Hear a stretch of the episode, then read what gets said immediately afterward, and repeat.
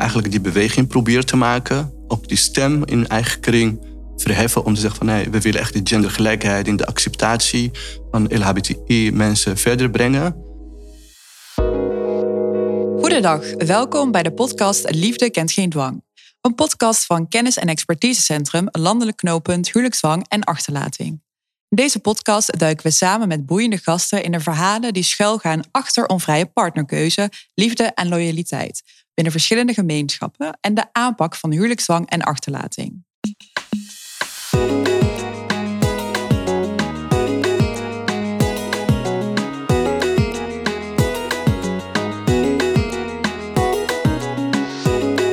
Deze aflevering spreek ik, Suhela Jeltjen, samen met onze vaste tafeldame Dini Vleerman, manager van het landelijk knooppunt Huwelijkszwang en Achterlating, met Abdella Meras.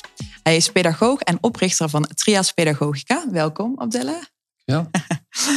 en we spreken ook met Habib El Kadouri, adviseur van de Stichting Marokkaanse Nederlanders en intern coördinator ehm, van uh, diezelfde stichting binnen uh, de Alliantie Verandering van Binnenuit. Welkom, Habib. Dank u wel.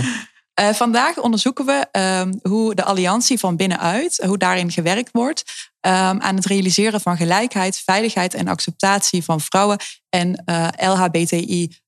personen in verschillende gemeenschappen. De Stichting Marokkaanse Nederlanders, Habib, is onderdeel van de Alliantie Verandering van Binnenuit. Kun jij kort toelichten wat deze alliantie inhoudt en wat jullie rol is als stichting? Ja, uiteraard. het, um de Alliantie Verandering van Binnenuit is uh, in 2018 opgezet um, met als doel um, sociale veiligheid van LHBTI-personen, maar ook gendergelijkheid uh, te bevorderen. En uh, die is, dat is een samenwerkingsverband van een aantal migranten- en vluchtelingenorganisaties en Movisie. En we trekken samen op in ieder geval uh, dus gendergelijkheid en acceptatie van uh, uh, homoseksualiteit een stukje verder te brengen. Ja, dus als ik het goed begrijp, bestaat de Alliantie uit een aantal andere partners, hè, die voornamelijk ook bestaan uit groepen waar mensen met een migratie- of een vluchtelingenachtergrond onderdeel van zijn. Kun jij een aantal van die partners noemen die ook binnen dezelfde alliantie um, ja, werken? Ja, nou inderdaad, wij noemen ons onder die alliantie ook een um, consortium zelfbeschikking. Het bestaat uit een aantal uh, ja, organisaties die uh, minderheden, etnische minderheden en vluchtelingen vertegenwoordigen. Zoals Inspraakorgaan Turken, uh, Vluchtelingenorganisaties Nederland, Stichting Kesban, um, EFSAN, dat is een Somalische federatie. Zo, je, zo, heb je een paar die eigenlijk ook vanuit hun eigen netwerk, expertise, ja, taboe onderwerpen, om zo maar te zeggen, ook soms al jarenlang uh, proberen bespreekbaar te maken. Um, uh, jullie richten je dus op, op uh, groepen die um, best wel ver afstaan nog van de wat regulierdere organisaties, zeg maar. Hè? De reguliere samenleving, zoals je dat kan noemen. Um, en jullie gaan op een hele laagdrempelige manier ja, eigenlijk op zoek naar die mensen. Kun je iets van jullie werkwijze vertellen? Want ik weet dat jullie bijvoorbeeld jongerencentra's en zo bezoeken, maar kun je daar iets meer ja. over vertellen? Ja, zeker. Nee, dat klopt, omdat wij inderdaad uh, in contact staan met toch uh, wat uh, moeilijk bereikbare groepen. ja, meestal gaat het ook om, om dat ze de taal niet beheersen of dat ze ja, ook sociaal-emotioneel wat, um, wat ver afstaan van de Nederlandse samenleving, van de gangbare waarden. Um, ja, proberen we met in zelforganisaties, maar ook sleutelfiguren, mensen die actief zijn inderdaad in buurthuizen, in moskeeën, om uh, ja, toch de groepen te bereiken. En, ja, en dat gebeurt eigenlijk veel natuurlijk op uh, basis van netwerken wat we natuurlijk al jaren hebben. Je kent toch de gemeenschappen, als ik mag praten namens de Marokkaanse mm gemeenschap. Kent toch wel de belangrijkste personen die actief zijn in een, ja, een grote stad als Den Haag. En daar ga je daarmee eigenlijk mee praten om, om met elkaar zo'n onderwerp aan te pakken. Ja, en, en hoe zien die uh, bijeenkomsten die jullie er organiseren, hoe zien die eruit? Ja, uh, nou in principe hebben wij met elkaar afgesproken, geldt ook voor andere alliantiepartners, om zo'n bijeenkomst, um, of althans zo'n thema in drie um, bijeenkomsten te, te gieten. want wat we merken is dat je natuurlijk niet gelijk um, kunt beginnen over ja, huwelijksdwang of achterlating of homoseksualiteit. je moet toch beginnen bij de eerste bijeenkomst. Heel erg geïntroduceerd is dat. Mhm. om, ja, om elkaar te leren kennen, om misschien eerder te hebben over ehm, opvoeding of over discriminatie.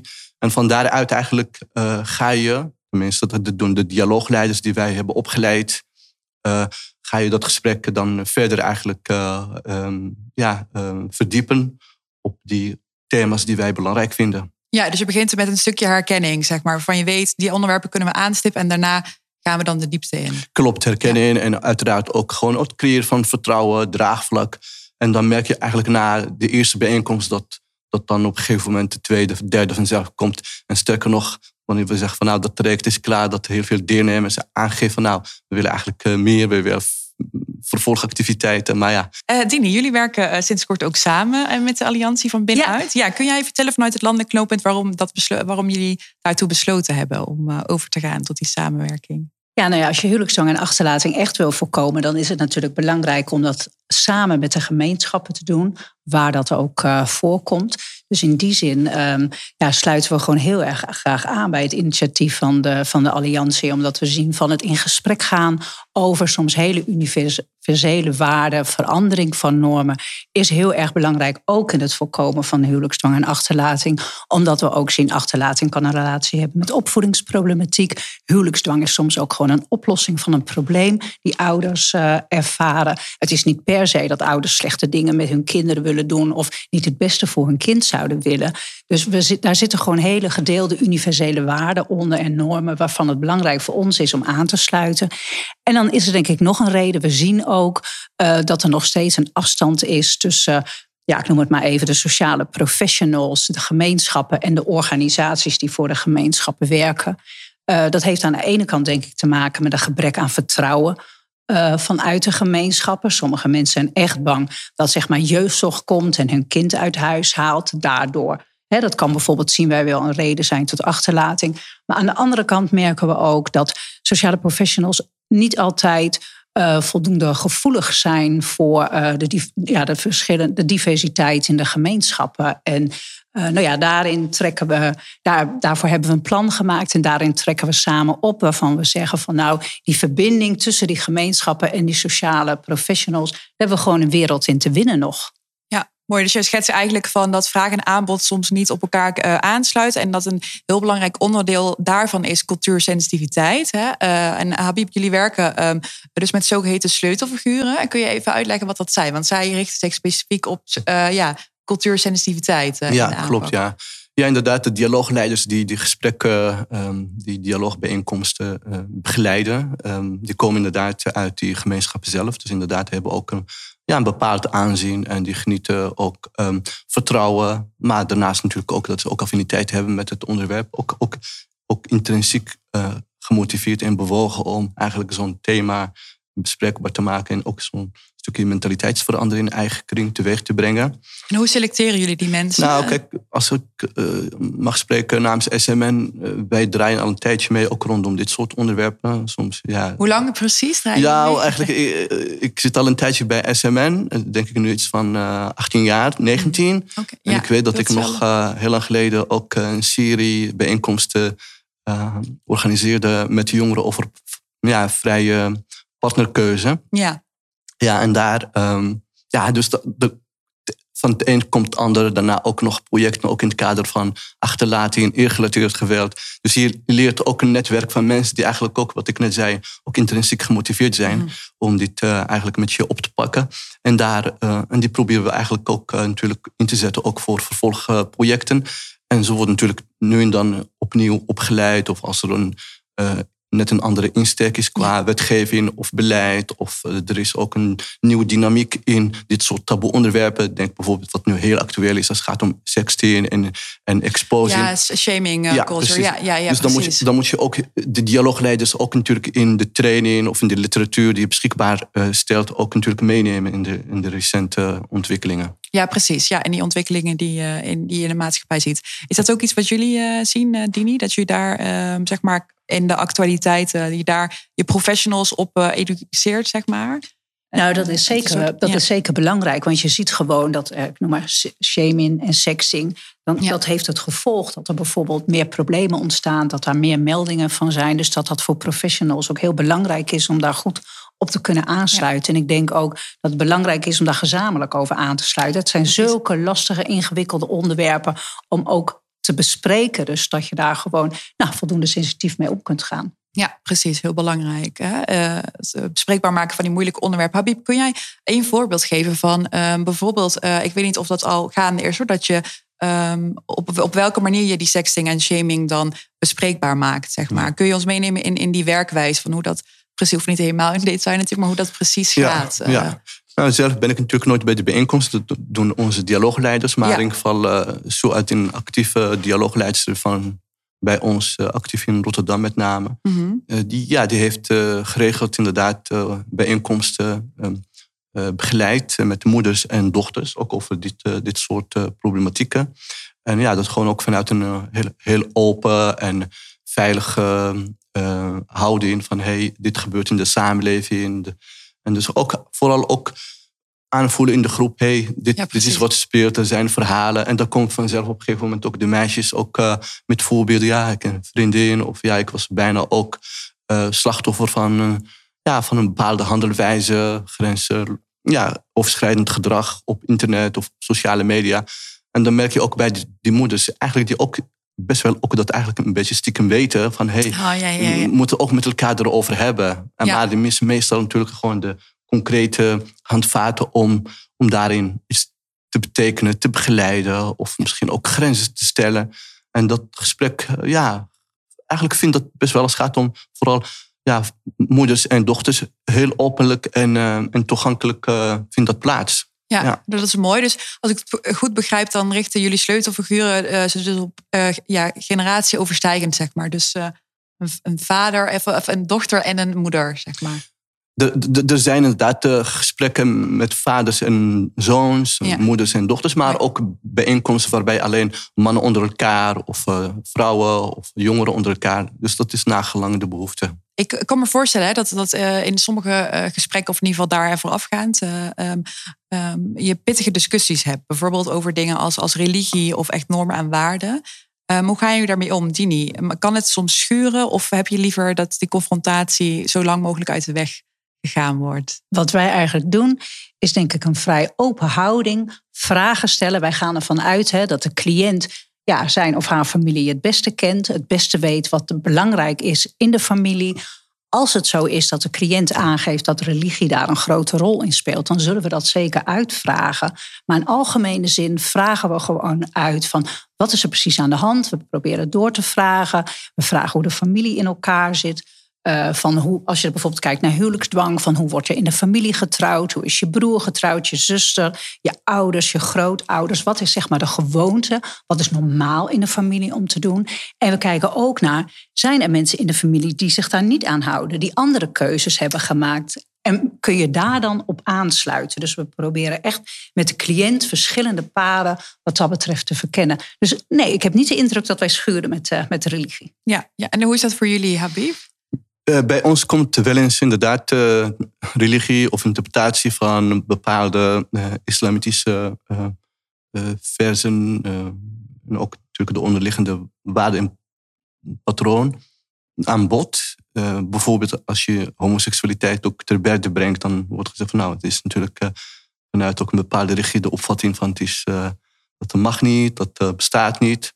Nou, dan probeert zo'n ja, discussieleider of een gespreksleider eigenlijk ook weer een andere kant te laten zien van nou, maar uh, Allah heeft ook uh, de mensen ook geschapen uh, om, ja, om, ja, goed, uit liefde. Dus er is ook sprake van liefde. Waarom dan moet die persoon dan eigenlijk een ander leven of een dubbel leven of een minderwaardig leven um, moeten leiden. Dus daar wordt vanuit dat, die gedachte ook religie aangehaald. Maar ook bijvoorbeeld bij ook, eh, man-vrouw verhouding. Het gaat ook om maagdelijkheid, seksualiteit. Dus dan zie je dat ook af en toe ook wordt gegrepen naar, naar de rol van religie. Ik denk wat we doen, we laten dat gewoon toe. Maar er moet wel iemand als gespreksleider, die moet wel een beetje daarin stevig in zitten. Dat hij ook een beetje de kaders kan aangeven. En niet te veel, um, nou, ook een beetje kennis van de belangrijkste punten uit de islam. Ehm, maar als dat gebeurt, dan kappen we dat niet af. Want ik vind het belangrijk dat mensen daarover praten. Uh, vanuit welk kader dan ook. Ja, zou je kunnen zeggen dat dat uh, jullie voordeel is, zeg maar, omdat je natuurlijk ook eigen kennis hebt uh, van diezelfde religie en dus uh, het op een andere manier kan interpreteren? Ja, zeker. zeker ja. En in Nederland is dat natuurlijk ook in die zin ook een traditie. Ook in onder zeg maar gereformeerde, ook meer een beetje zwaar gereformeerde mensen. Ja, ja, ja er wordt ook natuurlijk nog steeds moeilijk gedaan over homoseksualiteit. Maar, maar die geven aan van we willen het wel vanuit onze grond uh, of onze leerstellingen bekijken en bespreekbaar maken. Ik denk dat die ruimte er moet uh, zijn. Ja, Anders dus scheurig je... mag er soms wel zijn. Zeker, ja. zeker. Anders kom je niet uh, altijd veel verder. Ja. soms, hè? Ja, ja, soms is dat zeker zo. Nou, omdat ook onze insteek is gewoon dialoog. En als je denk ik een perspectief uitsluit, dan ben je denk ik niet bezig met dialoog. Mm -hmm. Ja, ik denk dat dat voor jullie anders ligt dan voor ons, waarin we toch Hè, of um, professionals adviseren van hoe vraag je dat nou uit en hoe doe je het gesprek daarover. En dan is niet het eerste waar je het over hebt een religie, omdat wij zien dat het heeft heel veel te maken met tradities, tradities in de familie, in de gemeenschap. En um, ja, op die manier proberen we daar op die manier te doen. ja. ja. Ehm, de alliantie, waar jullie dus onderdeel van zijn, uh, bestaat sinds 2018. Eh, wat is het belangrijkste, ehm, kan je zeggen, Habi, van wat de afgelopen drie jaar bereikt is? Ja.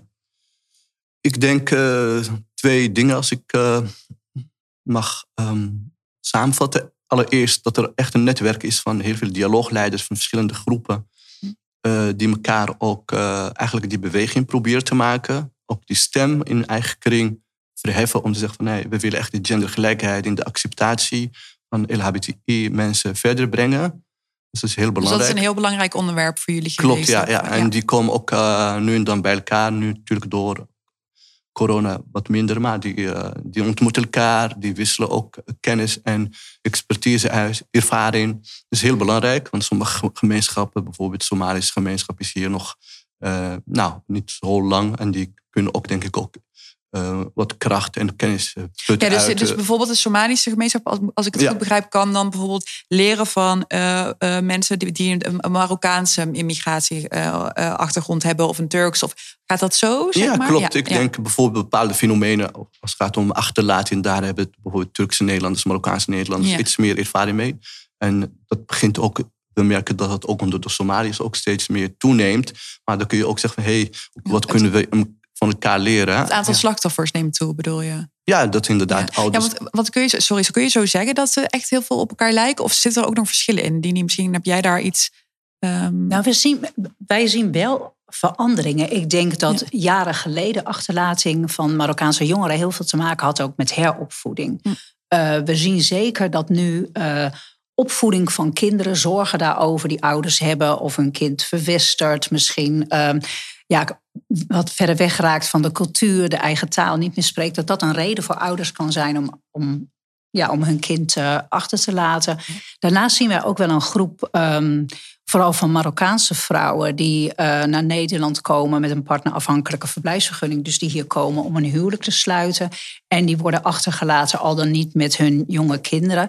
En dat heeft heel vaak toch wel te maken, denk ik, met, met relatievorming, de verwachtingen, uh, ja, huwelijksproblematiek, waardoor die vrouwen dan worden achtergelaten. Soms wordt het ook beschouwd als een soort scheiding zonder dat vrouwen dat weten. Zij realiseren zich vaak helemaal niet wat er aan de hand is. Zij gaan op vakantie en op een dag is man al dan niet met kinderen is weg. En zij vinden zichzelf zeg maar terug uh, bij hun familie of nog bij de familie van hun man. Dus wij zien wel een verschuiving, denk ik, uh, van, uh, van groepen. We hebben minder jongeren, zeg maar, die in Marokko worden achtergelaten op dit mhm. moment. Ja, wat jullie werken vooral ook samen met Landelijk Knooppunt en, en, en de Alliantie um, op het gebied van vroegsignalering. En jullie helpen gemeenten daarbij. Hoe gaat dat in, in zijn werk? Kunnen jullie daar iets. Uh, nou ja, wat we, wat we bedacht hebben is um, dat we eerst in gesprek gaan met gemeenten met een aanbod. We hebben zeg maar een aanbod uh, gemaakt samen met de organisaties van de Alliantie om ehm, ja, die sociale professionals meer samen te brengen met uh, de professionals van de migranten- en vluchtelingenorganisaties en de gemeenschappen.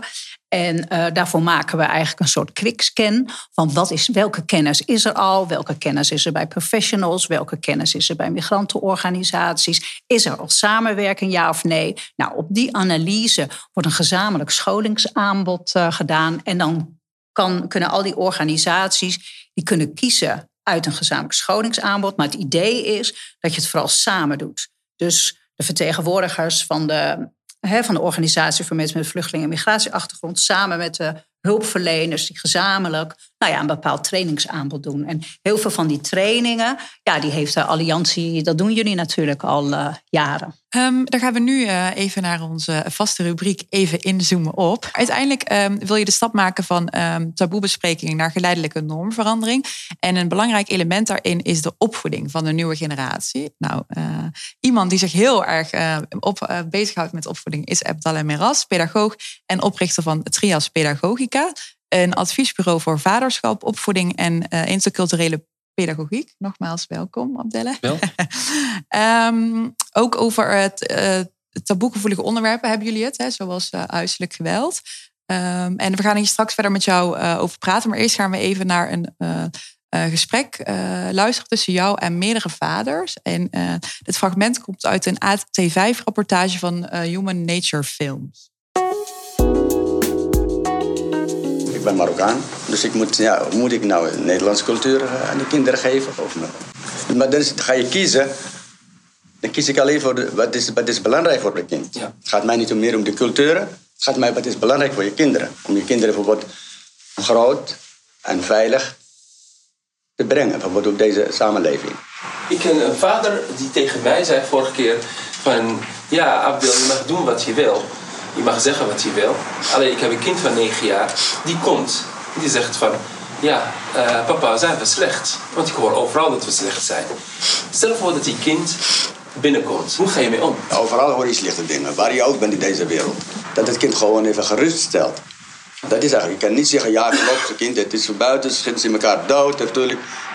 Maar dat, al is het zo, maar alsnog ga je het kind alleen proberen geen angst in te zaaien. Ik denk dat je dan een, juist een andere kant moet laten zien. Uh, hij heeft gezien uh, dat, dat een persoon of een bepaalde groep tegen, uh, tegen zijn cultuur of ja. zijn nationaliteit is. Dan laat je een andere kant zien van nee, kijk, er zijn genoeg andere mensen die dat niet zijn. Maar je moet wel eerlijk zijn dat die mensen wel zijn. Je kan niet een kind gaan voorliegen en, en vertellen van nou, uh, dat bestaat niet. De sociale media spelen een grote rol. Dat maakt het moeilijker. Maakt het moeilijk. Okay. Ja, ze zijn gewoon verwacht. Ze zijn, ja, kinderen van, van nu zijn uh, mensen van school je beseft wel dat, dat opvoeding, vooral voor migranten, vooral nog erger voor moslims, wordt steeds moeilijker in Nederland. Zeker, daar zijn we bewust. En dat krijgen we ook van vaders. Je nagaan als aanslagen uh, gebeuren, dat is echt de hele twee weken gaan we alleen maar voor dat. Ik maak me zorgen over mijn kinderen. Ik maak me zorgen over mijn bestaan hier in Nederland. Dus dat is, dat is echt voor ons, moeten we het hele programma moeten we gaan aanpassen om dat te bespreken.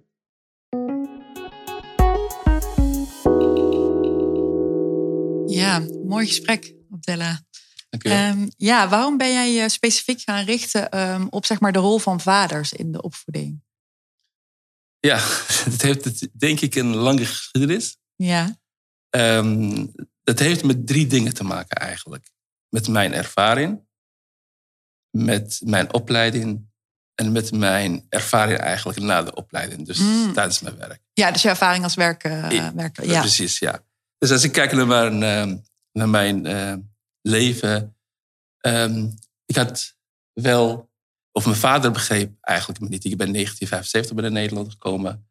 1982 ben ik terug uh, naar Marokko. En, um, ja, je werd, werd, teruggestuurd omdat je iets drukker was dan. Precies, ja. juist. Ik was heel erg druk. echt, dus mijn vader kon mij niet aan. Dus het was zo, zo een trend destijds. Dat ook, wat hij ook zei. En ook daarnaast, maar ook dat, dat, dat, dat hij uh, ja, niet leuk vond dat, dat ik bijvoorbeeld geen Arabisch spreek. Maar dat ik ook heel erg druk ben, dat ik, dat ik kan ontsporen. Ja, dus er waren heel veel elementen waar hij geen controle over had misschien. Om Klopt. Te zeggen. Ja, ja. ja. Dus dan moest ik terug naar eh, Marokko. En dan merk je ook eh, dat je, ja, je moet overleven daar. Want je kent geen taal. De cultuur ken je ook natuurlijk niet. En, maar wat belangrijk is in mijn leven, is ehm, dat aantal buren die ik had, eh, ik denk meer dan tien eh, mensen die uit eh, Zuid-Marokko daar bij ons komen. En dan werken ze gewoon in de bouw. Dat waren eigenlijk mijn vaderfiguur. Of Dus- was, was mijn vaderfiguur. Ja, dus in Marokko heb jij, waar is je omgeven met, met een aantal mannen waarvan jij dus als, ja, die als vaderfiguur beschouwde, omdat jouw vader hier in Nederland ook zat en die afstand. Dat klopt, het was ja. een combinatie. Want ik had natuurlijk wel ook daar oude broer, broers. Maar belangrijk is natuurlijk dat die positieve benadering. Dat, Mhm. had ik, dat, dat, dat heeft mij aangesproken als kind. En niet zozeer als vaderfiguur, maar echt als, als, als positief eh, benadering. Dat ik alles eigenlijk ging met slechte jongens om. Maar toch zagen ze de positieve kant van mij. Maar mijn vraag was altijd, hoe komt dat dat mijn vader, eh, dat mijn vader niet met mij kon omgaan? Hoe komt dat? Wat, wat- is de reden? En ik wist, van diep, diep wist ik dat hij van mij hield. Dus dat was eigenlijk mijn vraag. Dus ik kwam in 1995 kwam ik in Nederland. En eh, ik had helemaal niet aan... Hoe oud was je toen? toen je Ik was terugkwam? 21 jaar. Was al 21, oké. Ja, zo aan de 20. En eh, ik kreeg een advies van eh, een, een, een mentor die zei: ga pedagogiek studeren, één, één jaar. En dan kan je je sociale dienstverlening. Maar toen ik pedagogiek ging studeren eerst jaar, dacht ik: dat is wat ik wil.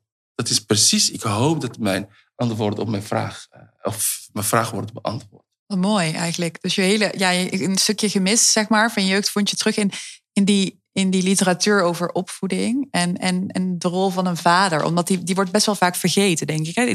Ja, want toen ik terugkwam eh, uit eh, Marokko, merkte ik dat heel veel jongeren, dat was echt opvallend, heel veel jongeren die ontspoord waren, hadden altijd iets met hun, met zijn vader.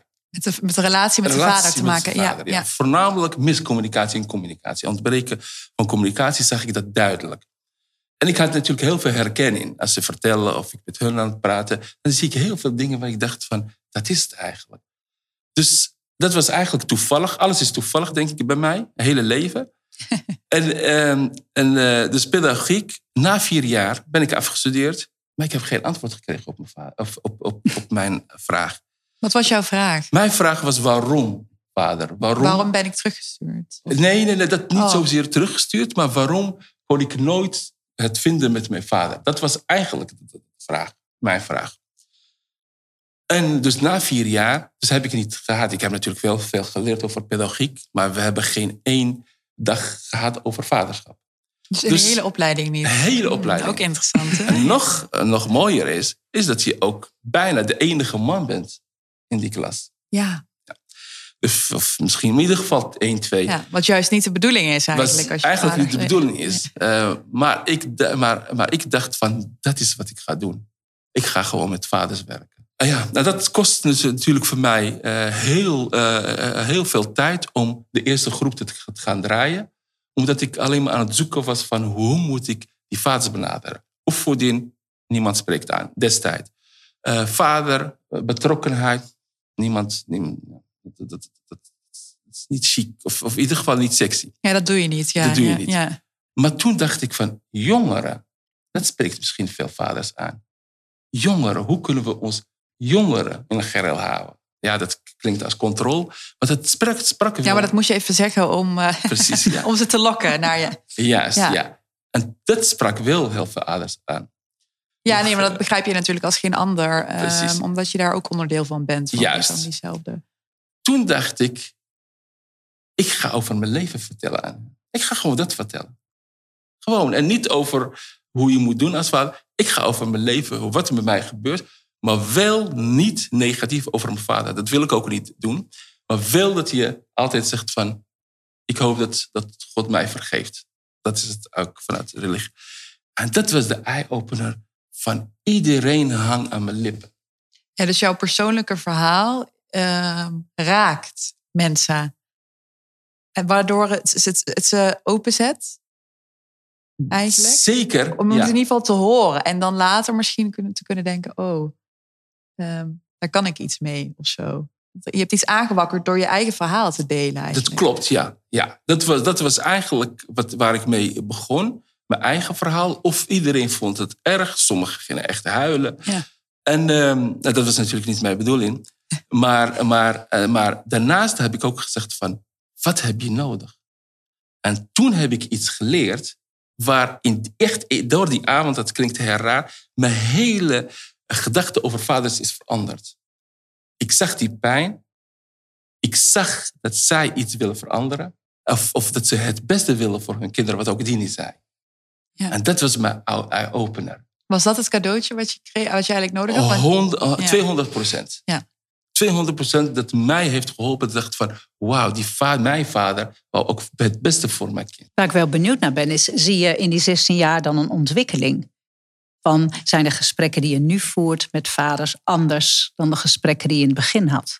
Ja, natuurlijk. Kijk, ik we hebben nu natuurlijk eh, 16 eh, eh, debatleiders die natuurlijk niet iedereen mijn verhaal heeft. Dus dat kan ook nooit dat je alleen maar je verhaal gebruikt. Maar twee dingen die wij eigenlijk nog steeds gebruiken. Neutraal blijven. Focus op de intentie van de vaders.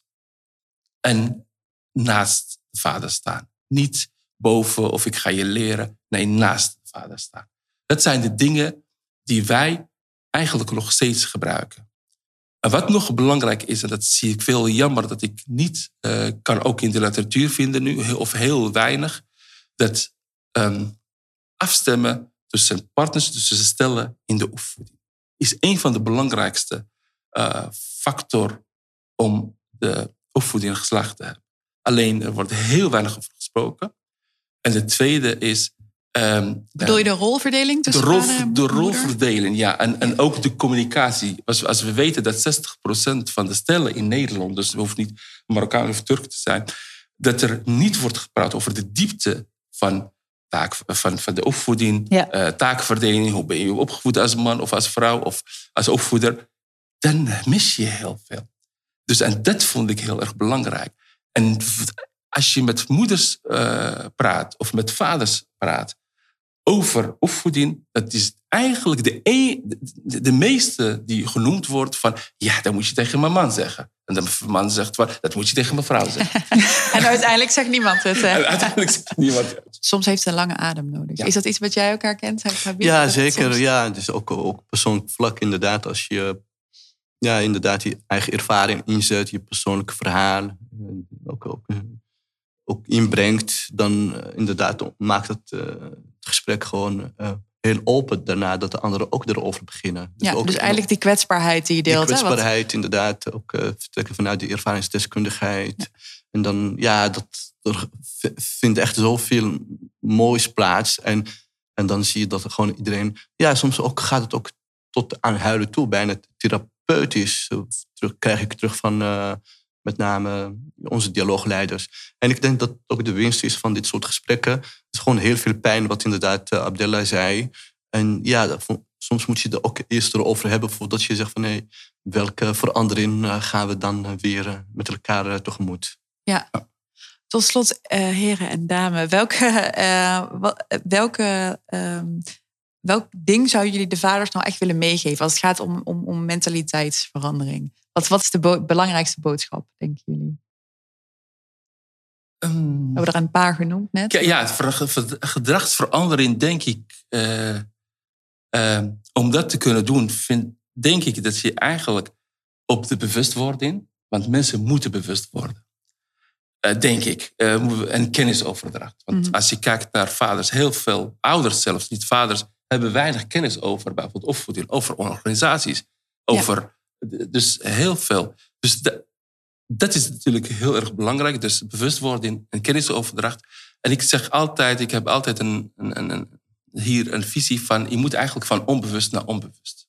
Ja. ja. ja. En dat staat hier moet je gewoon doorlopen. Onbewust, bewust, bewust, onbewust. Ja. Als je dat kan doen, uh, dat is, dan, dan heb je natuurlijk je, je taak uh, of je rol uh, goed vervuld. En wat ook belangrijk is, dat men kan terugvallen altijd, je kan wel het gedrag Als je fouten veranderen. maakt, bedoel je? Als je fouten ja, maakt, fout. precies, dan, dan kunnen ze. Dus daarom is het ook belangrijk om toch die vaders tegen die, die vaders, in ieder geval in ons geval, dat je terugkomt en zegt van hoe gaat het nu? Ja, eh, hem? maar Ja. dat je zorgt voor dat, voor dat er een basis is om op terug te komen. Dus een beetje die vertrouwensband misschien. is het, ja. dat. Dat, dat ze weten waar ze kunnen aankloppen als het toch even... eh, en ja, dat is ook gewoon het leven natuurlijk. Hè? Dat, het, dat het met vallen en opstaan Ja. gaat. Ja, en hou het klein, denk ik dan. Weet je wel, maak het allemaal niet te groot. Hou het klein, dat mensen ook het gevoel hebben van ik kan stapjes zetten. Weet je wel, succes, het gevoel dat je, dat je het kan, dat is ja, vertrouwen in jezelf, in, in je partner, in je kinderen, maar ook in degene die je helpen. Dat is wel heel erg belangrijk. Ja, Ja. ja. precies. Nou, dankjewel. Mooie wijze woorden eh, om mee af te sluiten. Dankjewel, Abdella. Dankjewel ook, Habib. en Dini natuurlijk, dankjewel uh, voor dit hele boeiende gesprek. Uh, ja, we zijn ook aan het einde gekomen van deze aflevering van Liefde kent geen dwang. We willen jullie luisteraars ook bedanken voor het luisteren. En in mei zijn we weer terug met een nieuwe aflevering. Tot dan.